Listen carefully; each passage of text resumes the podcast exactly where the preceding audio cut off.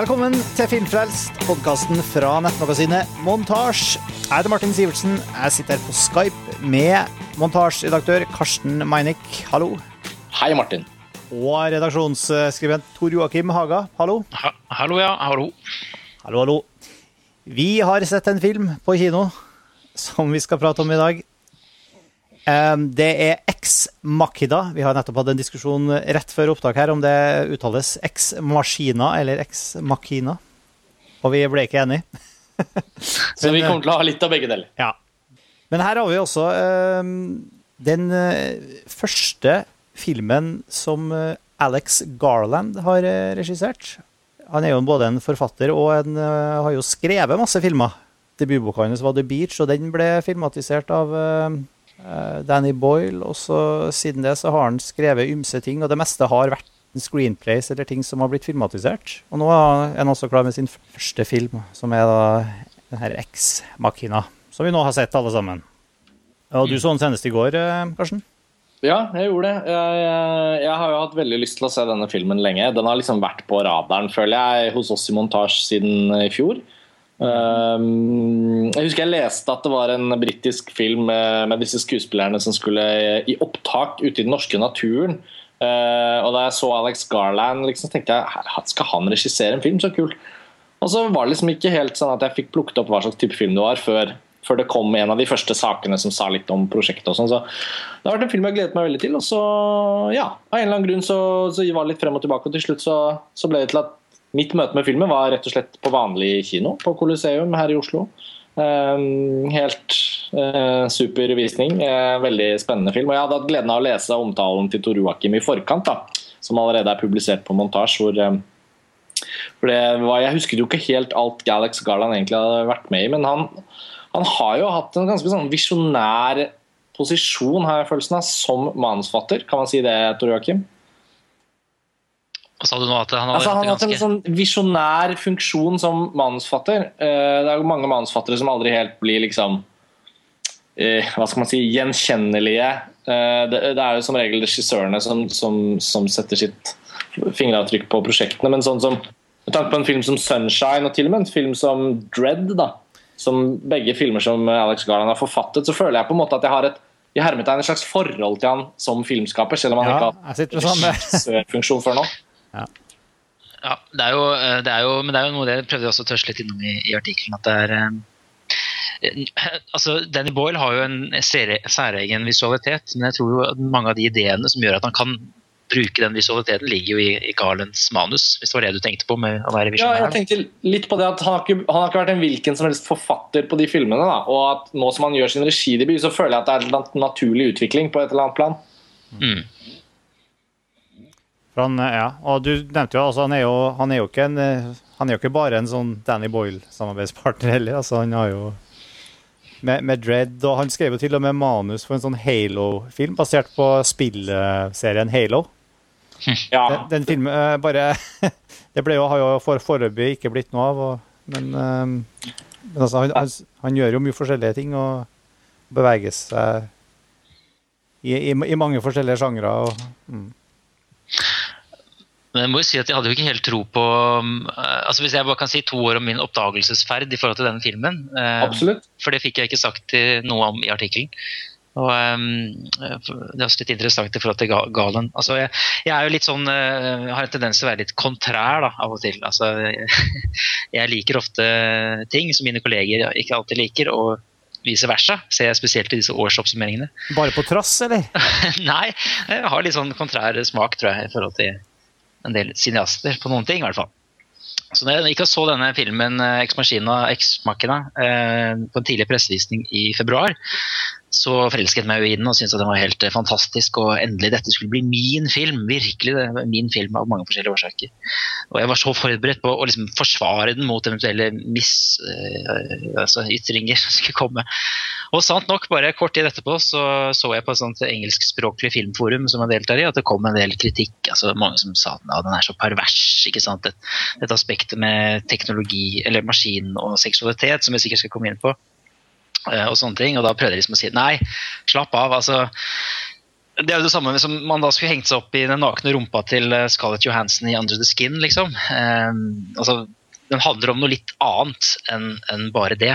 Eh, men så begynte da disse eh, anmeldelsene å tikke inn. Den fikk vanlig pressevisning. Og det var stort sett liksom positivt over hele fjæra. Eh, og aller først så ble jeg litt sånn Shit, nå ble jeg litt sjalu. Det var liksom min film. Ingen andre skal få lov å like den. og så men så tenkte jeg at det er jo kjempefint at det kan være så mange andre som kan dele, dele den begeistringen. Og nå er vi egentlig der. Nå hadde filmen premiere på fredag. Uh, så neste skritt er å se hvordan publikum ja, reagerer. da. Det blir liksom også litt spennende. for Du hadde egentlig håpa at du skulle havne i en sånn Prometheus-situasjon? ja. liksom du skulle vi alle ja, ja, det er sånn, sånn gut-greie som jeg har, for jeg har gjort det så mye. Altså, sånn Lucy og Prometheus en del av de siste årene som har vært litt sånn motstrøm, så jeg likte ikke hvorfor Wall Street så godt. og bla bla bla. Mm. Jeg tenkte at dette blir en sånn ny film, da, men eh, så er den altså tatt imot så vanvittig godt. Uh, du hadde håp om at den ikke skulle samle folket? i sånn Nei, sånn, sånn ubevisst så, så, har man kanskje det, men summa summarum så er jeg kjempeglad for at den for det første fikk kinodistribusjon. Eh, og så at den gjorde det så bra. Det er litt sånn Når alle liker favorittbandet ditt, så er det ikke noe gøy lenger. Nei, det er litt sånn. Det er litt den, da. Derfor der er vi jo kanskje inn altså, Jeg har jo inntrykk av at vi alle, alle, tre som sitter her nå eh, så Uten at vi har snakka noe mye om det sammen du er jo, Dine følelser ligger jo blottlagt i artikkelen din, eh, Tor Joakim. Men, mm. men, jeg skjønte jo på noen korte, små Facebook-kommentarer i går Karsten, at du òg satte veldig pris på, i likhet med meg, på Eks-Makina. Ja, altså hvis vi skal snakke litt om den før vi For jeg syns det er naturlig å diskutere filmen med spoilere etter hvert. Mm. Eh, for det er en del ting som er veldig spennende å, å diskutere. Så hvis vi, vi kunne jo i utgangspunktet snakke litt om den uten å ha noe særlig spoilere. Og så kan vi heller si fra, si fra når spoilerne kommer. Uh, for på et generelt grunnlag så er jeg jo må jeg si jeg er veldig begeistret over filmen. Jeg, jeg hadde ganske høye forventninger, for jeg har både da rukket å høre at du likte den godt, Tor Joakim, og så følge med på anmeldelsene og så lese din anmeldelse og sånn. Så alt har jo liksom pekt i riktig retning. Men bare for å si en sånn generell ting, da, så, så, opplevde jeg en sånn Det er jo ikke første gang, men det er ganske sjelden man opplever å gå i, og sitte og se en film, og så merker man etter bare noen minutter at Åh, denne filmen er laget av noen som er så kloke og smarte at jeg kan senke skuldrene og bare liksom bare være med da, og, og føle at jeg er så ekstremt gode hender. Denne fortellingen kommer til å bli bli løst på et så klokt og gjennomtenkt og smart plan at det kommer til å være ting å tygge på hele veien. Og Det følte jeg filmen leverte veldig på. da. Eh, det betyr ikke at alle andre filmer er så dumme, det er ikke det, men det er, det er noen filmer Jeg hadde det litt sånn med The Matrix også da jeg så den første gangen. Helt annen film, mye mer episk og actionfylt og alt sånn. Men den der følelsen av en sånn science fiction-film som er forfattet på en måte, og som er, hvor de ordlegger seg som du skriver om i artikkelen, dialogen, altså måten liksom praten flyter foregår på såpass høyt intelligensnivå at vi som publikum bare kan liksom kroke oss fast og liksom være med da, og gjøre oss liksom fortjent til noe av den samme eh, litt sånn intellektuelle um, glorien eh, som, som, som, oppstår inni den filmen. Det syns jeg var en sånn kjernekvalitet, eh, i tillegg til mange andre ting som vi skal snakke om. Så synes jeg filmen var sånn, så kompakt og intelligent på sitt innhold at jeg ble liksom bare helt sånn Jeg var revet med egentlig ganske fort. Men det var jo sikkert mye som gikk over hodet på det er potensielt en del av hvert fall dialogen som kan gå over hodet på, på, noen. Eh, jeg sier ikke at jeg er så mye smartere enn andre fordi jeg liksom har catcha noen referanser, og sånn, men det er jo ikke noen tvil om at han, at han putter inn en del ting som eh, altså Sitater og sånne ting som man kanskje i utgangspunktet ikke kjenner til. Eh, men jeg syns ikke at det gjør noe, for det, Eh, det, som du sier, det bidrar liksom til på følelsen at dette er, dette er, noe klokt. Eh, jeg trenger ikke å skjønne ja. alt. det, gjør det, de gjør filmen veldig mettet. Eh, jeg er ikke sikker på om jeg skjønte alt, eller plukket alle mulige referanser. Selve handlingen er jo ikke så omfattende og heller ikke så komplisert. Men det er mer, mer liksom de dilemmaene og de samtalene som oppstår mellom rollefigurene, som holder en sånn veldig sånn interessant intellektuell kvalitet. Da, som jeg syns var ja, veldig sånn næringsrikt, på en måte. Hvis jeg kan si det sånn. Så syns jeg, synes jeg den, den, den, fungerer så godt på så godt på så mange Den er så vellykka på så mange måter. Da. Og, ja, foruten at det er en ganske forstår, en ganske spennende film. Og, og men jeg syns også Alex Garland klarer nettopp ved å være såpass tilsynelatende har belest og gått inni den tematikken. At han klarer å gi en slags ny, moderne syns jeg da, vri og sette de her problemstillingene som vi kjenner ganske godt fra den her science fiction-tradisjonen med, med menneske-maskin, bevissthet, den type problematikk. Men han klarer likevel å sette det i et i, i en del sånn som Det er vanskelig å diskutere uten å komme inn på spoilers, selvfølgelig. Men, mm. men jeg syns han, han, han, evner liksom å gi det en slags kontemporær innpakning som, som, fungerer veldig godt. da. Som gjør at filmen har noe nytt å bidra med også på det, liksom, på det rent sånn tematiske, sci-fi-tematiske. Ja.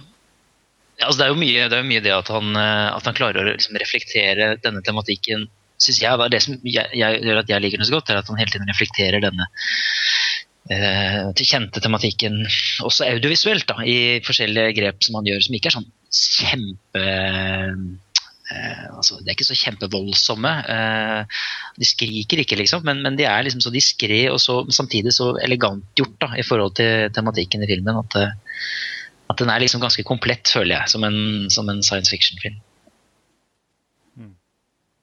og har tatt opp delvis i Norge. Det er jo eh, ja. spens... Juve. Juve, ja.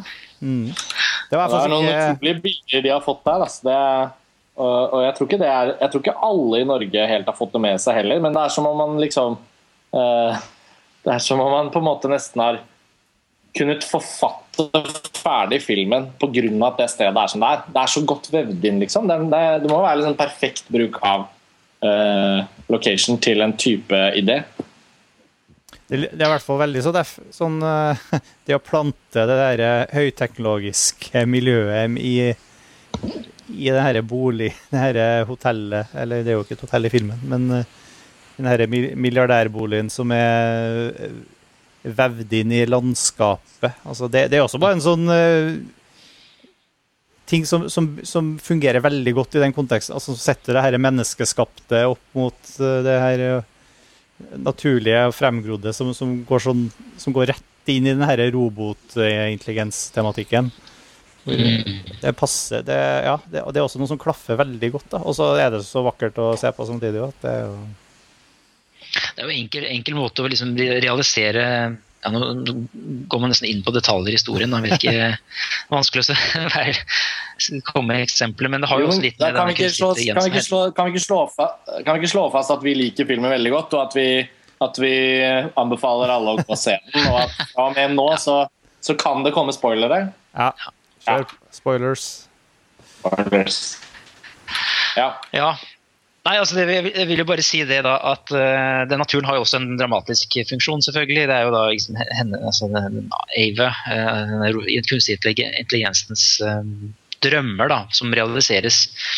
Og man ser den både på, i en slags svart-hvitt og også i, i fullt fargespekter. Um, og noe er liksom ekte, det har vi jo sett, og noe er liksom hennes forestilling om hvordan det er. Altså, den, den, bruker liksom naturen for det det har vært også i historien, da. ikke bare som en kontrast sånn, eh, mellom det liksom organiske og det eh, sterile. Det syns jeg også er litt fint.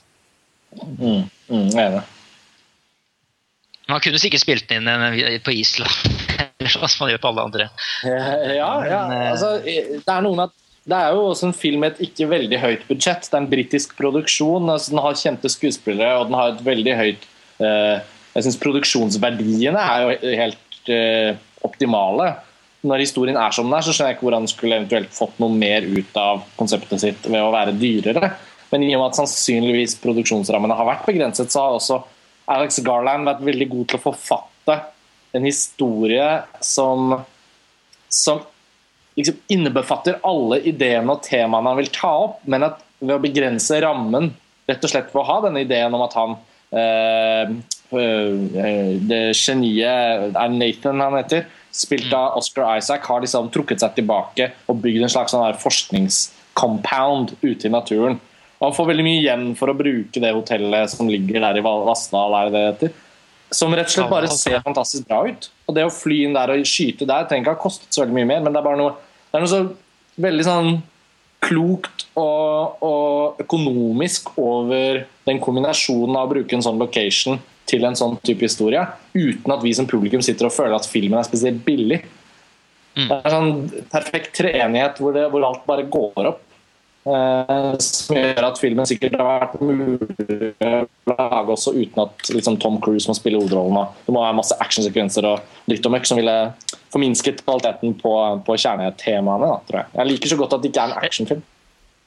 Ja, men altså, apropos det der med, med, med penger den, den, har jo en tidlig Vista-sekvens, altså et money shot, hvor, hvor helikopteret kjører over en, en isbre. Jeg vet ikke hvilken isbre det er i Norge, men det er jo en, det er et veldig sånn et episk uh, skudd da, som uh, Ja, ja absolutt. Et eksempel på at han, han eier liksom hele hmm?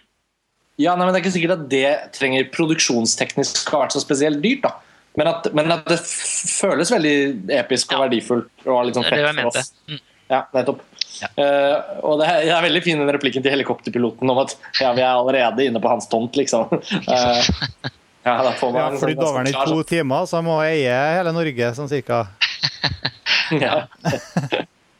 men uh, ja, nei, men er det ikke en ut... Altså, det så, jeg syns det var så god idé til en film òg, bare for å starte med plott-ideen i seg selv. Da noe så enkelt som, som, som at han, han uh, Den unge hovedpersonen, da, Caleb, inviteres til å på en måte tilbringe en uke hos denne geniale sjefen for en fiksjonell søkemotor som har blitt en milliardær og som er fantastisk på kode og sånn og sånn. Og så har han i hemmelighet holdt på med utviklingen av kunstig intelligens, da bygge en menneskelig robot. Uh, bare det premisset om at han skal liksom komme der og utføre den Turing-testen og sånn. Det er liksom bare så det er på en måte veldig enkelt, men jeg bare synes det var så befriende bra utgangspunkt for alt som skal komme da, på det tematiske, liksom. Og så er det ganske sånn eh, litt sånn på, på ene sida så er det jo utrolig bra utgangspunkt for film, men det er jo også ganske sånn påtatt eh, teatralsk, litt sånn kunstig eh, På mange måter ikke så veldig troverdig. Som det gjør liksom Det, det funker likevel, da. Det selv om det til syvende sånn Det er jo et eller annet litt Det er jo ikke en, det er ikke en dokumentarfilm, for å si det sånn. Om, om, om, fremme, om hvordan man skaper en kunstig intelligens og en, en, robot. Ja, men var det, var det Alex Garland som hadde sagt i et intervju at filmen hans foregår ti minutter inn i fremtiden? Ja. I, den, I den forstand at hvis Ja hvis øh, de som har starta Google, da, eller liksom, hvis Steve Jobs hadde vært i, i live, men hadde liksom trukket seg tilbake og sånn Hvis nyheten hadde kommet om ti minutter, at en av disse geniene utviklet en eller annen enorm frem, fremgang innenfor kunstig intelligens, da, hadde det vært helt usannsynlig? Nei, nei, overhodet ikke, men, eh, men det, nei, nei, det, det var akkurat det. Altså, det. Jeg likte veldig godt den der uttalelsen om at det er åpenbart en science fiction, det ser vi, det skjønner vi, det føler vi, og det er vi glad for at det er. Men samtidig så føler jeg også at filmen er sånn definert veldig tett mot vår virkelighet. Ja, det var det, og det jeg mente i stad, at den, den, er veldig sånn på, på kornet der. med Hele det der scenarioet med den, eh, den enorme Altså den settinga og det Altså alt det der er jo en sånn Det gjør det jo at du, du kan ha sånt litt sånn kammerspilldrama oppi der som som på en måte Ja, jeg, altså det vet jeg ikke om akkurat den iscenesettelsen her er jo ikke akkurat det mest troverdige i men, men at, at, at, det at, en, at Google-toppene kan sitte og jobbe med en kunstig det er jo veldig troverdig. Og, og, det er jo noe av det som er veldig i, uh, i skuddet nå, altså det som er i tiden nå i, i um, når man diskuterer AI-er, som får både mye medieoppmerksomhet og som diskuteres mye i akademia, sånn, er jo nettopp den her fremveksten av AI ikke bare som en mulig um, stort fremskritt for, i teknologisk fremskritt, men også som en potensiell uh, trussel da, for, for, for, menneskeheten. Og som vi ser som, som blir ganske tydelig i, det, i Ex Machina. Og den herre singularity, intelligenseksplosjonen som man, man på en måte ser en mulig sånn dommedagsprofeti altså, som, er, som, har kommet ganske altså, De tanketrådene der og de, den type scenarioer har liksom blitt mye mer sånn uh, eh, utvikla siden de scenarioene vi har sett fra sånn Skynet i Terminator 2. og, og, og den, altså, Det er på en måte så mye mer del av den, en sånn reell problemstilling som tas på alvor nå. Mm. Um, Men det er, det er kanskje derfor også filmen føles veldig naturlig. altså Skuespillerne spiller jo uh, veldig naturlig. De, de konfrontasjonene som settes opp, føles ganske sånn naturlig ut ifra liksom, rollefigurenes ja. væremåte. Mm. Uh, og så er det liksom bare et par steder hvor, hvor, hvor, det blir litt sånn selvbevisst, sånn som denne fantastiske danse, den koreograferte dansesekvensen som, mm. som uh, minner meg litt om andre lignende sekvenser fra f.eks. Uh, Claire Denise sin um, store film. hva, hjelp meg, så skiller jeg. Eh, Båtravai? Eh, Båtravai, takk. Ja, sen der, ja. Litt, det er litt sånn Botravai over det. så det, det, er liksom litt brudd, men samtidig er den så utrolig eh, naturlig. Blant annet inne i dette uh, laboratoriet hvor han viser frem hjernen til denne AI-en, som da ikke er direkte elektronikk, men ja, det er noe ja. annet.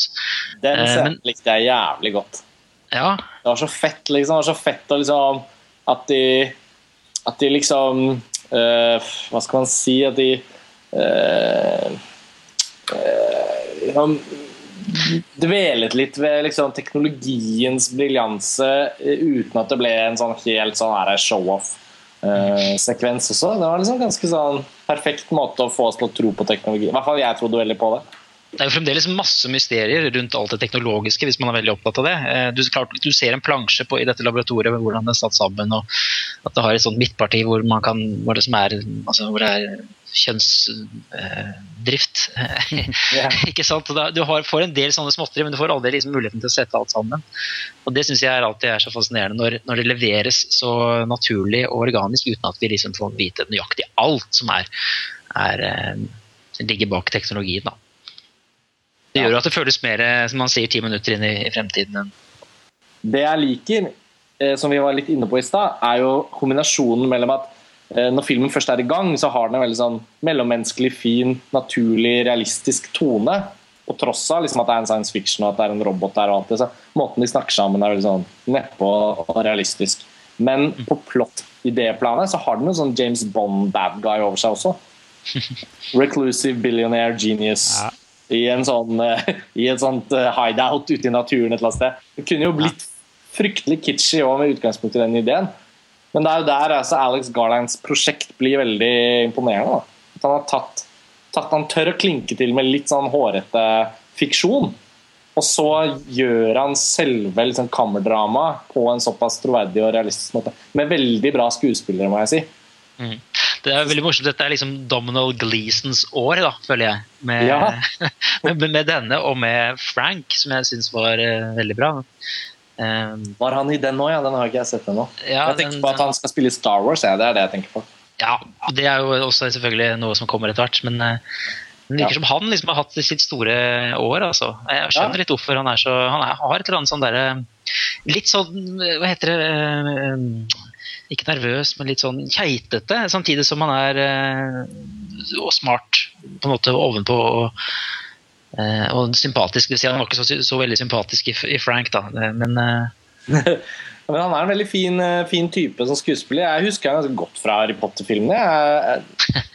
Jo, men sånn Det var jo en sånn litt sånn spesifikk liksom, Disse Weasley-tvillingene, og det var noe sånn han, jeg husker jo ansiktet hans først og fremst veldig godt fra Harry Potter-filmene. Men han, han, er jo en av flere av de Harry Potter-kidsa som har klart å, å, bygge en karriere som en troverdig, god, dramatisk skuespiller når de har blitt voksne. Uh, jeg så ikke den Unbroken til Angelina Jolie, men jeg leste at han var, eh, hadde en rolle der også. Ganske stor rolle. Så han, han har vært med mye. Morsomt at også Oscar Isaac han er vel også i det nye Star Wars? er han ikke det? Ja, han er jo det. og han... Eh, og han er jo også i den A Most Violent Year, som Lars Ole og jeg hadde en mm. podkast om fra Kosmorama, som også nettopp har hatt premiere i Norge. Så Oscar Isaac er litt sånn all over the place nå. han, han er jo også veldig bra. Han hadde bare litt sånn, mye sånn, litt sånn corny roller da han starta. Han liksom fikk sine første roller og ble synlig. så følte han han var ofte en litt sånn karikert eh, Sånn som det er, Han var bad guyen i Robin Hood-filmen til Ridley Scott. Han ja. spilte han derre fyren i, i, um, i uh, Sucker Punch av Zack Snyder.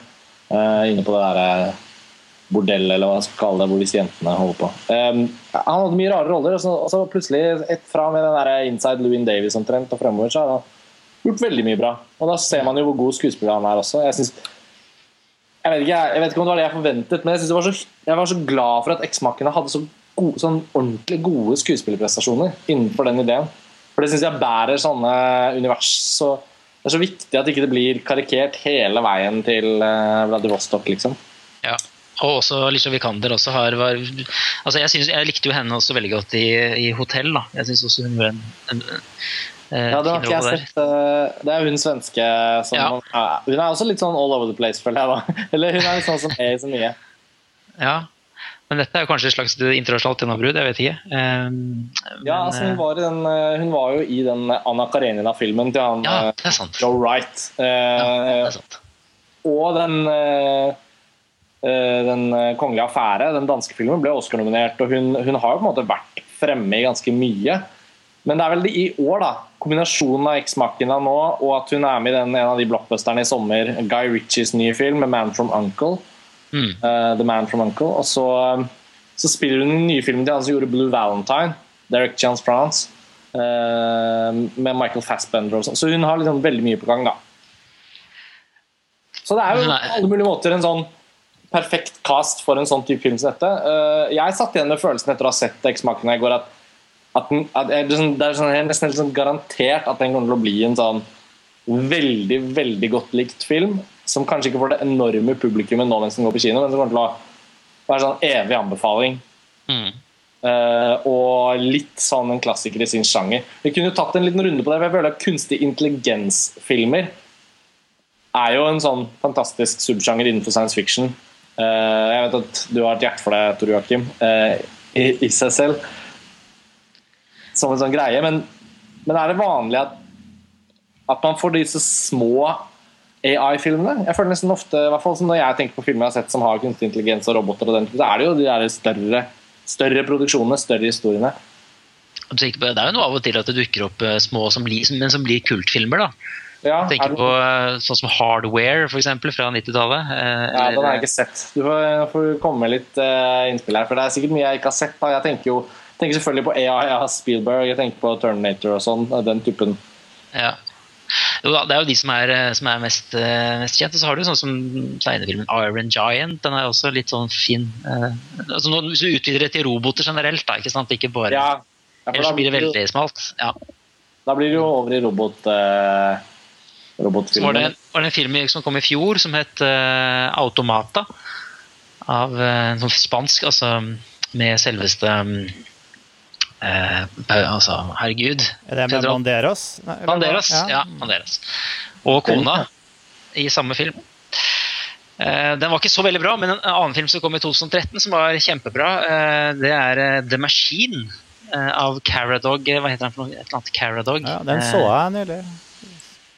Ja, Åssen var, hvordan var de filmene? Var, det liksom, var de bra i sjangeren, eller var det Ja, The, Machine syns jeg var, var veldig bra. Det er jo en, en litt annen klasse enn X-Maken, da, men, men den har litt, mye av den samme tematikken. Har også en hovedperson, en kunstig intelligens, som også heter Ava for øvrig.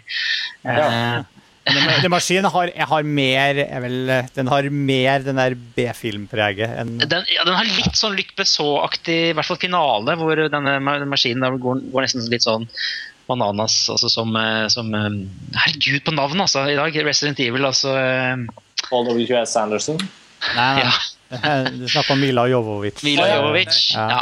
Den har en litt sånn Mila Jovovic-aktig finale, men den, den er men den har også mye den er, Det er mer enn bare en B-film, syns jeg. da Men eh, Ja, ja, jo. Ja. Hvis vi tenker på de store klassikerne, så må man liksom snakke om Blade Runner og ja, det er jo, AI er jo den største av altså Blade Runner og AI er jo de to største for, min del av de, men det er jo Ja. ja, Wall-E kan man jo regne med her. Eh, Ja, altså I robot i seg selv, men også jeg tenker spesifikt på roboter som på en måte oppgir, utgir seg for å være mennesker, eller som fremstår som mennesker. da. Eh, jeg Har du- synes, eh, Metropolis. Jeg syns jo det er ganske mye sånn eh, den, Sånn tematisk i, i Alien-filmene, faktisk. Jeg spiller jo den Ja, eh, an- veldig, den har jo en kjempeviktig rolle i Eh, og jeg vil også, vil også sette Edvard eh, i den kategorien. Det er mange som ikke ser på det som en android, eller en, men det er jo absolutt det. ja. Altså, vi gjorde jo en kåring husker jeg, for noen år siden. Det kan man jo gå inn og lese en topp ti av roboter på film. Og Der husker jeg vi gjennomgikk litt dette med liksom, balansen mellom hva, hva, kall, hva blir liksom robotroboter, og hva er mer Jeg tenker jo sånn jernkjemp, jernkjempe, Gutten og jernkjempen. Altså sånn, Det er litt mer sånn robot-robot. Ja. Mens de som er menneskelignende, føler jeg liksom Det føles i hvert fall litt som en egen sjanger, da. Ja, så Særlig da når man ikke helt er sikker på hvem det er som er kunstig intelligenser eller mennesker.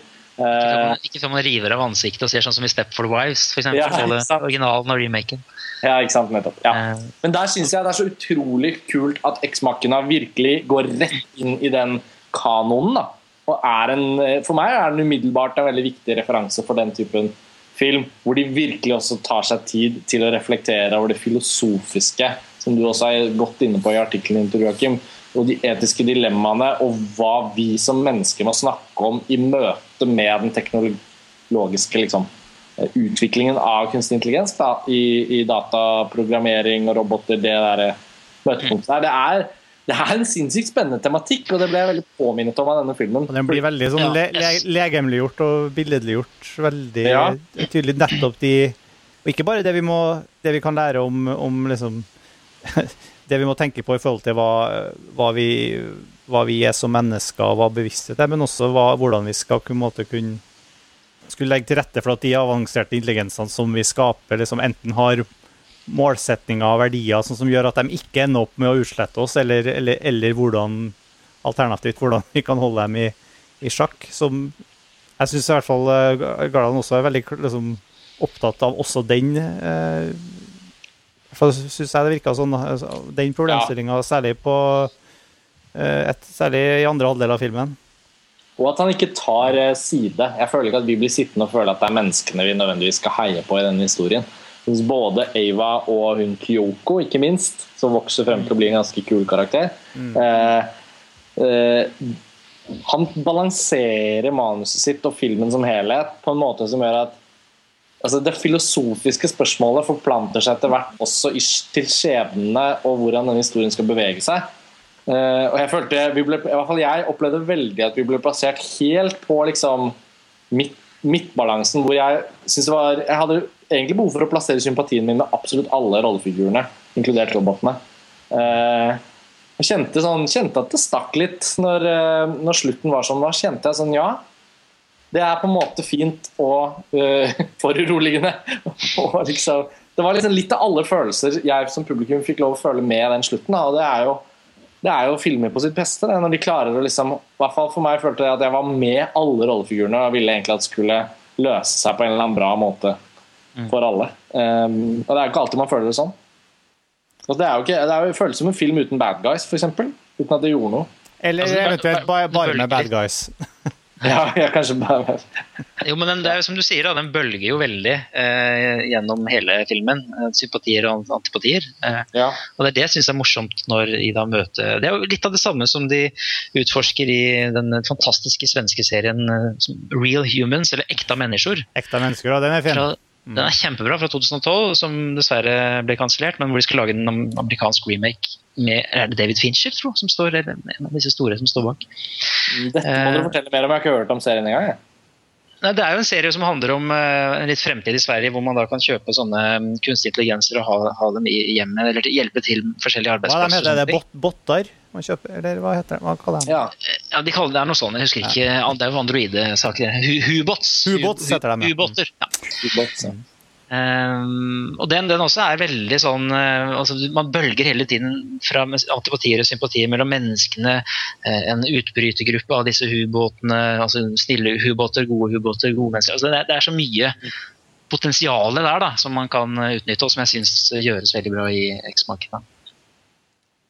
Spennende. Ja, Den serien fikk jeg lyst til å se litt hva, på noen episoder av. Er Kult at svenskene har gjort noe sånt. Den er kjempebra. To sesonger. eh, Det skal komme en amerikansk remake eh, i år, tror jeg.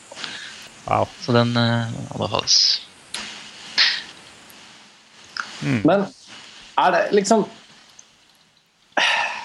det, det, jeg, jeg fant veldig veldig få svakheter i denne filmen. Eh, liksom, hvor godt likte dere den egentlig? For jeg følte litt sånn at kanskje det var en av de beste filmene jeg har sett i år. Eh, helt der oppe. Jeg likte den kjempegodt fra første eh, grafikk... Tekstgrafikk. Font. fra introsekvens. Altså, ja. Nei, den, Ja. den traff liksom noen nerver fra første sekund, syns jeg. Altså, og holdt det gående helt helt til rulleteksten. Og den klarer på en måte både å engasjere på så mange nivåer. Den er liksom både den herre eh, cerebrale sci-fi-filmen som, eh, som er en sånn sjanger som, som, er, som det er liksom favorittsjangeren, egentlig. Og så i tillegg makte å være både en, en ganske sånn dyster eh, eh, thriller og, og en, eh, skikkelig dialogdrevet et, et drama. og og i tillegg se så bra ut og ha så mange fiffige Ja, være, som du sier, Karsten, så, så produksjonsmessig helproff da, og, og gjennomarbeida. Så mm. Jeg likte den ja. kjempegodt, rett og slett. Ja, det er også må skrive det, det, er, det er kanskje litt kjedelig at man alle liker den så godt, men, men, men altså, det, for meg er dette årets suverent beste film. Eh, faktisk også bedre enn It Follows, eh, som vi kan snakke om i en annen ja, episode. Det er en ganske fin sånn filmvår med litt sånn små mellomfilmer. For meg var også A Most Violent Year. da. Det var en av, som vi snakker om på den andre episoden, så jeg trenger ikke gå inn på den. Men jeg syns den for eksempel, innenfor sin sjanger, helt annen type film, men den leverte altså så utrolig bra på det den var bra på. Uh, også selvfølgelig Eksmakene har en helt annen kvalitet. Den har liksom filosofiske og, og, og innholdsmessige dimensjoner som, som, løfter den så voldsomt opp, i tillegg til at den er så godt laget som film. Uh, og It Follows, som er noe helt annet igjen. og, og og blockbuster-sesongen er jo liksom ikke i gang engang, og, og kan har ikke vært og det er liksom sånn, Jeg føler jo året er litt sånn Det pusler litt av gårde frem til mai. Mm. Men allerede nå syns jeg det har vært utrolig mye bra, og Eksmakene er skikkelig høydepunkt. Mm. Det eneste jeg eventuelt ville diskutert litt, det var kanskje at jeg syns Jeg er ikke sikker på om jeg syns fotografen til enhver tid utnytter mulighetene for å på en måte jeg vet ikke, Det er noe med at bildet Altså, fotoet blir akkurat litt for underordnet andre elementer. At jeg ikke hele tiden syns at, syns at det er liksom sånn helt sånn ekstraordinært. Det kan ha med å gjøre at jeg tenker at når vi snakker om Alex Garland, så er jo f.eks. en fotograf som Anthony Dodd Mantle, som gjorde Dread og, mm. og sånt, altså som har jobbet med Danny Boyle. Og han er veldig nært på det miljøet. Jeg tenker De burde jo kjenne hverandre. Er det ikke noen muligheter her? og Jeg savnet kanskje at det, at det, var noe mer sånn punch. Men så innså jeg også at jeg så filmen på Colosseum 2 hvor det, hvor det er alltid en fare for at ikke illuminansen i projektorlampen er helt perfekt. Altså, jeg, oi, oi, oi, oi. Ja, jeg tenker ja. kanskje, Er det en mulighet for at det er ikke der svakheten ligger? Jeg må kanskje se den igjen for å dobbeltsjekke det. Sånn. Men han Rob Hardy, i hvert fall, han fotografen, uh, han, har, uh, han, har, gjort mye, mye britiske filmer de siste fem-seks årene som, som har anerkjennelse og sånn. Jeg har nesten ikke sett noen av de, så han var litt sånn ubeskrevet blad for meg. Så jeg tenkte kanskje Akkurat på det med foto så merker jeg at den Det var ikke dårlig, eller noe sånt. Det var bare sånn Og det kunne vært liksom kanskje enda noen sånne litt mer sånn høydepunkter i det visuelle. Eh, ja. Når alt det andre var så bra. Jeg, jeg ser, ser, den, men jeg, jeg synes jo, det skriver også litt i den artikkelen at uh, altså du vil gjerne at den kanskje skal ligge tettere opp mot Danny Boyle, er det du sier? Altså Hans litt sånn feite Nei, jeg vet ikke. Det er som om jeg bare savner en eller annen form for sånn uh, punch. At det er et eller annet i foto som liksom bare Det er ubeskrivelig. Akkurat som i en matrett, at det bare er et eller annet krydder der som bare er mm. Det er en liten sånn ting jeg kanskje savner litt, men det, det, det senker ikke helheten av filmen, egentlig. Det bare er sånn. Eh, du burde kanskje se den på eh, prøve nytt forsøk, da, hvor du er sikker på at du, at du, har gått for Det er jo, det er jo noe som jeg syns er veldig flott med den, altså bruken av, av, farger og lys. Eh, rødt, blått, beige og jordfarger. Um, og som i hvert fall var veldig bra der jeg så den. Jeg tror det var Ja, jeg legger inn et forhold absolutt altså, om, at, om, at, det er en mulighet her for at uh, det rett og slett kan ha med kinosalen å gjøre. Og Jeg har jo absolutt til hensikt å se filmen på ny, så, det, så jeg er ikke så bekymret. Men jeg, jeg bare tenker en film man liker så godt, uh, fortjener nesten også at vi nevner at ja. er, er, det noen svakheter her som vi det, Ja, det jeg tenker kanskje kan være en liten eh, svakhet, som jeg egentlig ikke syns er en svakhet heller. Men, men, det er jo det at, at, eh, Jeg tror mange vil oppleve det sånn at historien kanskje er nesten altså, den, er, den er veldig enkel. Eh, og folk lurer liksom på de ser noe What's the big deal? Liksom. Altså, det er jo, vi har jo sett dette konseptet før, og sånn. Og de henger seg kanskje da ikke så mye opp i verken alle referansene dialogen eller all bruken av farger og hvordan det speiles frem og tilbake. og sånn. Det, det, kan jo være et slags, slags, minus, da, at den er på en måte den er så subtil i sin eleganse at, uh, at den kanskje ikke er sterk nok til å til å slå folk over hodet med sin wow-faktor. Mm. Eh, om det er en svakhet eller en styrke, jeg syns jo det er en, en delvis en styrke. Men uh, Altså at den er sånn deceptively simple. Hva heter det på norsk? Jo, nei, men Og så uh, tror jeg kanskje det hjelper hvis man har en viss fascinasjon for uh, for AI-spørsmål og, og, og spørsmål rundt, rundt menneske- og maskinbevissthet. Altså at man har viss At man trekkes mot den type tankegods i utgangspunktet. For hvis ikke så, er jo, så kan du, tror jeg det er veldig rett i det. Jeg tror Kim, at kanskje at, at man kan kanskje ende opp med å få en litt sånn so what eh, for Ja, for det plottmessig så er den jo forutsigbar, vet du. Den er, Ja. jo, den er jo det. Eh, Både thrilleraspektet, twisten, alt sammen. eh, Er du, hvis du har sett noen filmer, så skjønner du hvor det bærer en ganske tidlig. Mm. Og det er jo Så man må liksom henge med på hver eneste vending i, i dialogen, egentlig. Eh, I hvert Ja. fall hvert, hvert eneste poeng, i hvert fall. Ja da. Ja, når jeg snakker om liksom klimaks og sånne ting som, som følger liksom thrillerkonvensjonene ganske streit. Eh, Ja, men, men så også, så syns jeg også at filmen Ja, den gjør det. Samtidig så er den også såpass disiplinert i det at når eh, For å snakke konkret om slutten, da. Når eh, Ava forlater dette huset, Mm. og de andre ja, Ser seg aldri tilbake. ja, på den ene eller andre måten er tilbake. Og vi har for så vidt forstått gjennom både Nathan og Caleb hva Ava ønsker, og hva hun vil, og hva hun er programmert til, og hvilke muligheter hun har. og sånn. Samtidig syns jeg at det var bevart en ganske sånn fin poesi i liksom den lille, lille outroen, for å si det sånn, da, hvor hun på en måte Ja. Vi trenger ikke ha noen dialogscener med at hun møter noen, vi bare skjønner at hun kommer seg med i helikopteret, hun er ute i en by. hun Du tenkte er- egentlig før dette her, da. Før den ja, slutten. ja, okay. For Der er jeg veldig enig i at den følger på en måte sånn by the numbers, men fordi filmen er så smart og den er så bra løst, eh, så er det nesten litt sånn befriende at den ikke prøver å gjenoppfinne historiekunsten på ny. da. Man skjønner, hvor det, man skjønner hvor det bærer med Kyoko, man skjønner hva som skjuler seg der og der. Og, og, Ja. her. Men det er, og man ser disse opptakene fra, fra hva Nathan har gjort tidligere. og sånne ting. Men det er liksom Ja.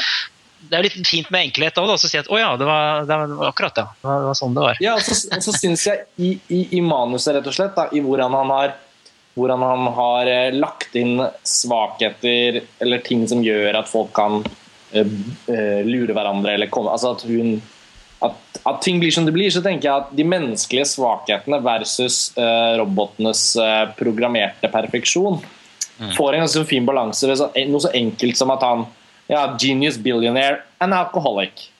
Ja. Og det er litt sånn, ja det, Jeg, syns det er troverdig. jeg.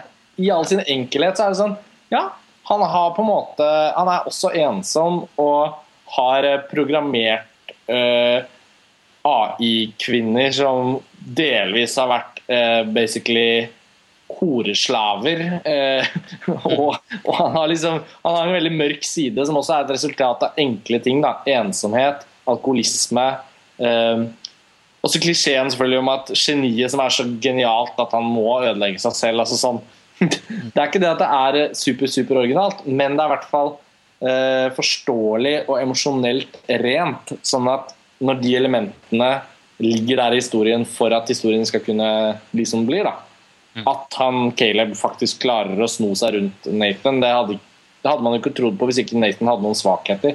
Men, men samtidig så, så, så. Ja, Det er jo helt riktig du sier, så- og, men, og, men samtidig syns jeg også at de personene, er- særlig han øh, mange milliardæren, han geniet altså, Han er samtidig såpass på en måte han, har det, sånne, han er såpass edigmatisk. Han har sånne små eh, eh, Du vet, selv om han har alle de tingene som nettopp nevnte her, så er jeg jeg fortsatt ikke alltid helt sikker på hvor du har den. ikke sant? Du sitter på, på samme måte som at man sitter og sitter hele tida og spør deg hun Eva, har hun er hun virkelig forelska? Har hun virkelig en form for bevissthet? Jeg driver bare og spiller for å få lurt seg ut eh, og lure han altså, Som vil selvfølgelig bli en tanke som blir planta i oss også av ren dialog. i løpet av filmen også er Du sitter og, og stiller spørsmål ved motivasjonene og det indre tankespillet til alle figurene her, inkludert roboten, eh, Mm. på, på samme måte. Du, de har like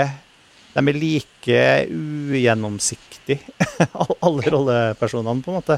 Og det er jo kanskje også et godt sånn tematisk poeng, det òg. Um, Ja, yes. eh, altså I forhold til Turing-testen og det man uh, klarer å, ma å vise fram av følelser og ytre oppførsel. da og, og, og hva det vitner om, og hva som skjer på Instagram, Jeg synes liksom Det også gjenspeiles veldig godt i, i måten den, de karakterene er også litt mer enn å bare være sånne eh, arketyper. da, Sånne dramatiske arketyper. Jeg er veldig enig. Så det, Også, også påpeke, som jeg alltid gjør, og det fikk jeg ikke gjort i artikkelen heller, eh, fin musikk av eh, Ben Salisbury og Jeff Barrow fra Portishead. Ja. Som syntbasert, men som er veldig litt sånn eh, Veldig dissonant i disse skumle partiene. Veldig intens, eh, men samtidig også veldig vakker eh, når hun spiller en sånn invertert versjon av nærkontakt av tredje grad for Ja. Ava. det la jeg merke til. Mye sånn nærkontakt tematikk ja. i, i, i melodiene, ja. Ja, det, var- det syns jeg var en morsom referanse, da, igjen, eh, for oss som er opptatt av sånt. Du, du, du, du. Ja, ikke sant? Ja, og jeg, jeg, men jeg, men jeg syns også den har den er, Jeg har hørt en del på den musikken. Jeg syns den uh, la seg altså på en sånn perfekt uh, Hva skal man kalle det? Sånn ekstremt tilbakeholdent uh, sound. Men, men når den liksom får slippe til lydbildet, så sniker den seg frem og, og får en veldig sånn sterk effekt av det. Syns jeg Alex Garland også sånn ja, debutregissør, da åpenbart ikke debutant i filmbransjen, men sånn debutregissør i hvert fall, utviser en evne til å ha veldig god kontroll på, på når virkemidler skal virkelig få sin funksjon og ikke. Da. For Det er også en sånn film som kunne vært mye mer sånn teppelagt Mm. med musikk som gjør veldig mye ut av seg. Men fordi den er såpass tilbakeholden, så føler jeg at den får en mye sterkere effekt når den først eh, stiger frem. Eh, så Men de komponistene altså sånn, Hva har de Jeg så at de hadde hatt et eh, at de hadde komponert musikk til Dread, altså Pete Travis som fot fotografert- nei, forfattet av Alex Garland, men som ikke hadde blitt brukt. Eh, Hva, vet du noe mer om bakgrunnen der, og, og, og hva, om de har komponert til noe annet? Tor Joakim? Ja, jeg vet at Ben Salisbury i hvert fall har gjort mye sånne BBC-dokumentarer og sånn tidligere. Eh, ellers er han ganske fersk.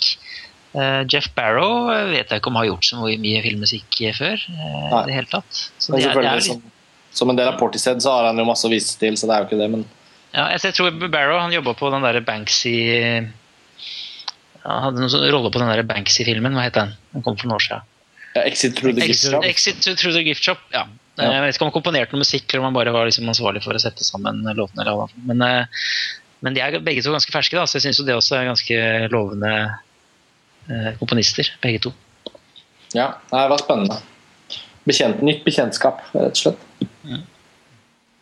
Det lover jo fantastisk da, vi, vi, for alle science fiction-fans eh, når det kommer en ny stemme, sånn som Alex Garland, eh, og leverer noe sånt, så, så er det så deilig innimellom alle mer kommersielle science fiction-film, som også er gøy på sitt vis, men dette er liksom noe sånn der, åh, endelig en ny Et nytt Litt sånn som, kan vi ja, litt sånn som med, Monsters, altså Gareth Edwards også. Når han Ja. kom, oi, dette, er- det her er det noe greier.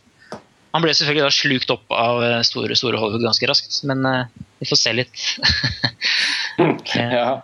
Nei, men jeg kunne ikke vært mer enig. Altså, jeg tenker eh, nå, må, nå er jo Alex Garland Alex Garland filmregissør. Uh, han bør på alle mulige måter kunne styre sine egne prosjekter når han har, et nytt manus. Tenker sånn Ja, selvfølgelig hvis han skal jobbe med Danny Boyle, og det er jo, det er jo ikke det, men, men det er jo enormt oppløftende hvor mye han får til i denne filmen. Da. Eh, og den er ikke basert på noen ting, den er ikke adaptert fra noen ting. I min bok så burde dette være en favoritt allerede til Oscar for beste originalmanus.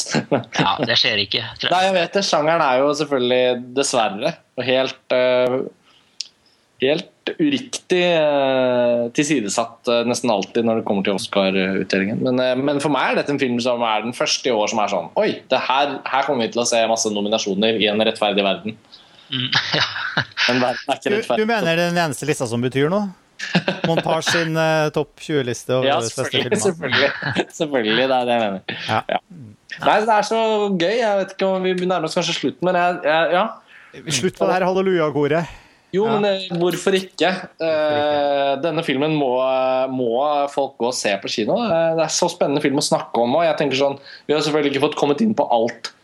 Rett og slett på det, rett, på det filosofiske innholdsplanet. Da. Eh, men det er jo vanskelige diskusjoner. Man kan ikke bare kaste seg inn i, i, i samtaler om hva det vil si å være menneske, hva det vil si å, å forske på eh, det indre liv i vår eh, teknologiske, digitale verden. Men Men det er en utrolig interessant film. og jeg, jeg tror ikke det er siste gangen man har hatt en timeslang samtale om denne filmen, sånn som vi har hatt nå.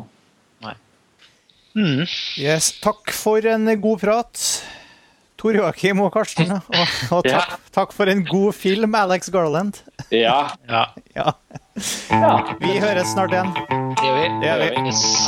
Ha det bra.